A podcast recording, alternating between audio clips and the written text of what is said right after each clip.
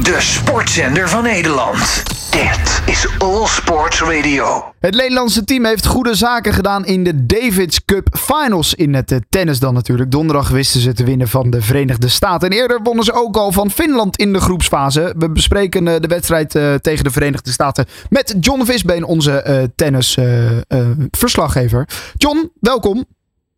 Ja, goedemiddag. Ja, dat was een, uh, een, een, een mooie overwinning, zouden we kunnen zeggen. Maar misschien ook wel een beetje een overwinning met wat vreemde momenten tegen de Verenigde Staten, hè? Ja, maar ja, welke wedstrijd heeft tegenwoordig geen vreemde momenten? Hè? Het was de, de, de partij, je bedoelt op de partij van ja. tegen uh, Francis Tiafo op het Zeker. Eind, of ja. niet? De, ja, dat was inderdaad de tweede wedstrijd die gespeeld werd. Daar uh, gebeurde, uh, nou ja, die, die Tiafo inderdaad, de Amerikaan, die kon zichzelf niet helemaal beheersen. Waardoor er wat punten naar de Griekspoor gingen en wonnen. Maar mm, goed, laten we misschien beginnen even bij Botik van de Zandschulp. die ja. nou ja, de eerste twee sets gelijk wist te winnen en daarmee was de wedstrijd klaar. Ja, dat was eigenlijk een verrassing in zoverre dat uh, Botik van de Zandschulp... die kan het niveau aan van, uh, tegen jongens van de top 20. En vergis je niet, die Tommy Paul is schoon nummer 13 van de wereld. Dus ja. dat is geen weggooien. Uh, maar hij had de laatste maanden uh, getopt met blessures, kon maar niet daarvan afkomen. En ja, hij had eigenlijk weinig te verliezen tegen die Paul. En zie, hij speelde als van ouds. Hij ehm, hij gaf die Paul eigenlijk geen kans. De eerste set ging nog gelijk op, maar de tweede set derde hij eroverheen. En het was verheugend om te zien dat hij uh, weer tot dit tennis uh, in staat is. Ja, zeker. Want als ik even naar de eerste wedstrijd kijk, toen uh, verloor uh, Botik helaas nog in die finals. tegen Finland was dat. Dus fijn dat hij nu ook persoonlijk zijn eerste overwinning op papier heeft staan. Ja, je zag hem eigenlijk in die eerste partij worstelen van, uh, met een jongen die, waar hij normaal gesproken van had moeten winnen, die Virtanen. Uh, maar gewoon, uh, het ontbreekt hem dan aan zelfvertrouwen. Het ontbreekt hem ook een beetje aan wedstrijdritme, noem maar op. En nu had hij zoiets, hij heeft een tijdje met, met, met Tellen Grieks voor gesproken van tevoren. Van, die heeft, daar neemt hij nog wat van aan, want het is een boot neemt niet van iedereen zomaar uh, klakkeloos wat aan. Maar uh, die hebben goed gesproken ook na die wedstrijd. En, en, en Tellen zei ook, ja, tegen Amerika hebben we in principe niks te verliezen. Want die jongens staan stukken hoger op die ranking ja. dan wij. En, uh, maar goed, we hebben vorig jaar in deze fase ook van Amerika gewonnen. klamp je daar aan vast. En, en ga vrij uit die wedstrijd in. En, en ja, dan zie je hoe goed, die, hoe goed, vreselijk goed die kan tennissen, die Botik. Ja, zeker. En uh, nou ja, die moest tegen de nummer 13 van de wereld, Tommy Paul. Maar die uh, Francis Tiafoe, van, uh, de, waar, waar Tellen Grieksport tegen moest, was de nummer 11 van de wereld. Ja, die komt net uit de kwartfinale van de US Open. Hè, om eens te, aan te geven hoe sterk die jongen is. Ehm, maar Tellen, ja, die heeft natuurlijk een fantastisch seizoen. Hij, hij, heeft twee ATP-titels gewonnen. Uh, voor het eerst in, zijn carrière. Hij heeft in een uh, groot uh, ATP-event in de finale gestaan. Um, ja, staat gewoon met heel veel vertrouwen op de baan. En, en kon gewoon, was eigenlijk de hele wedstrijd de bovenliggende partij. maar kon bijvoorbeeld in die derde set, had hij een, een break voorsprong. Die kon hij dan weer niet uitbouwen. zodat het toch wel heel erg spannend werd. En een tiebreak in de derde set moest dan uh, uiteindelijk de beslissing brengen. Ja, want uh, in de tweede set verloor hij nog met de tiebreak. Uh, ja. Nou, de derde set werd ook een tiebreak. Ja, en daar gebeurden wat, wat gekke dingen. Misschien dat jij ze even goed kan uitleggen. Nou ja, hij, het was zo dat Tiafel had al een waarschuwing gekregen van de, van de umpire. En dat blijft dan, bleef zonder reconstructies. Maar hij kreeg weer een waarschuwing op 6-2. Uh, weet je, voor, uh, uh, voor record abuse heet dat dan. Hè? Hij sloeg zijn record kapot. Ja. Nou, dat betekende eigenlijk, en toen kreeg hij dus een punt, een strafpunt, maar dat betekende meteen 7-2 en eindoefening. Dus iedereen was nogal een beetje zoekende, ja, wat is er nou aan de hand? Maar het stond 6-2, dus als matchpoint voor Griekspoor.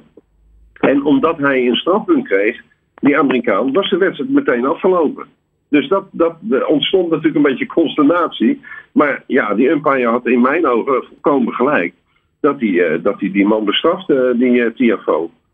Ja, zeker. Die kwam inderdaad een verhaal halen na een service die wel of niet in was. Uiteindelijk bleek die wel in te zijn. Ja, het was een tiebreak. Het was, het was misschien wat, wat, wat gek. En ik denk dat die TFO ook niet helemaal door had dat, dat met, met die nou ja, woede-explosie soort van dat daarmee de wedstrijd gedaan was. Nee, natuurlijk niet. En uh, kijk, in principe had hij gewoon die partij moeten winnen. Wilde, uh, wilde kans houden op, de, op de overwinning. Want daarna zou dan nog een dubbel komen. Maar als hij die pot zou verliezen, ja, dan had Amerika de wedstrijd verloren. He, want dan kwam, kwam, Nederland op 2-0. Dus ja. ja, er was hem alles aan gelegen om dat, uh, om dat voor elkaar te boksen.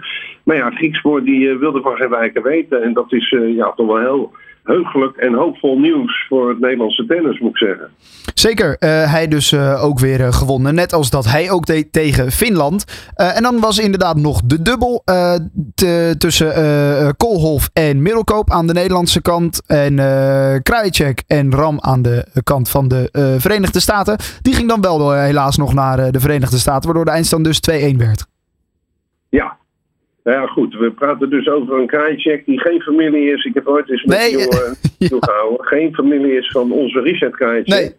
Of van Michaela Krajicek. Maar uh, ja, misschien heel in de verte. Maar goed, die jongen die staat uh, nummer 1 op de wereldranglijst uh, in de dubbel. En die andere, Rajiv Ram, Ram, mag je ook zeggen. Die won net de US Open met zijn maatje Salisbury en, en Brit.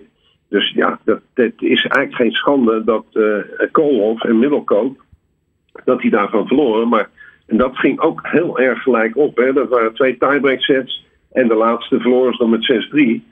Uh, uh, maar ja, je kan wel concluderen dat, uh, dat uh, deze pool waarin Nederland zit, met verder nog Kroatië ja. en Finland, ja, de, de sterkste dubbelaars bevat. Dat, uh, dat is nu allemaal zo. Dus, dus de eerste wedstrijd hadden ze gewonnen tegen die Finnen. Uh, maar goed, dat was ook een spannende wedstrijd. En nu gingen ze dan jammer genoeg uh, ten onder. Dus ja, je kunt nog niet zeggen wel, dat, dat, dat Nederland al geplaatst is voor de eindfase van het toernooi. Hè, de eindronde met de laatste, de laatste acht landen van de beste acht landen van de wereld.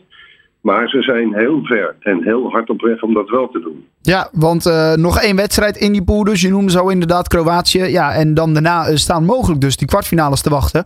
Uh, wat moeten ze ja. daarvoor tegen Kroatië doen volgens jou? Eén puntje, zou dat genoeg zijn? Ja, volgens mij wel. Het hangt een beetje vanaf. Kijk, dat hangt af van wat er vandaag uitkomt. Finland tegen Kroatië. Ja. De, de verliezer van die wedstrijd die valt sowieso af. Maar dan kan je nog de situatie krijgen dat je drie landen met vier punten krijgt, zeg maar, met twee gewonnen wedstrijden. En dan telt weer het onderlinge resultaat, et cetera. Uh, ga ervan uit dat ze tegen Kroatië zondag is dat nog één puntje nodig hebben. Uh, en dat ze er dan zijn.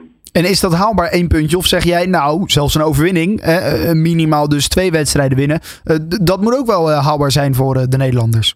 Nee, zeker. Want kijk, Kroatië speelt weliswaar voor eigen publiek. Hè. Ze spelen in Split. Uh, Marin Silic is er niet bij. Uh, uh, Borna Soric, Koric is er niet bij. dat zijn nu twee verdetten. Dus ja, ze moeten het toch met mindere goden doen, die Kroaten. En daar moet ergens een puntje te halen zijn. Of door Tellen of door Botik. die moeten daar van kunnen profiteren en dan, en dan de buit binnenhalen. Zondag is die wedstrijd dus tegen Kroatië. En uh, nou ja, uh, mogelijk dus met een punt uh, mogen ze zelfs door in de Davis Finals naar de kwartfinales. We gaan het allemaal in de gaten houden. John Visbeen, dankjewel. En laten we hopen dat ze kunnen winnen zondag. Ja, graag gedaan. Alle sporten van binnenuit. All Sport Radio.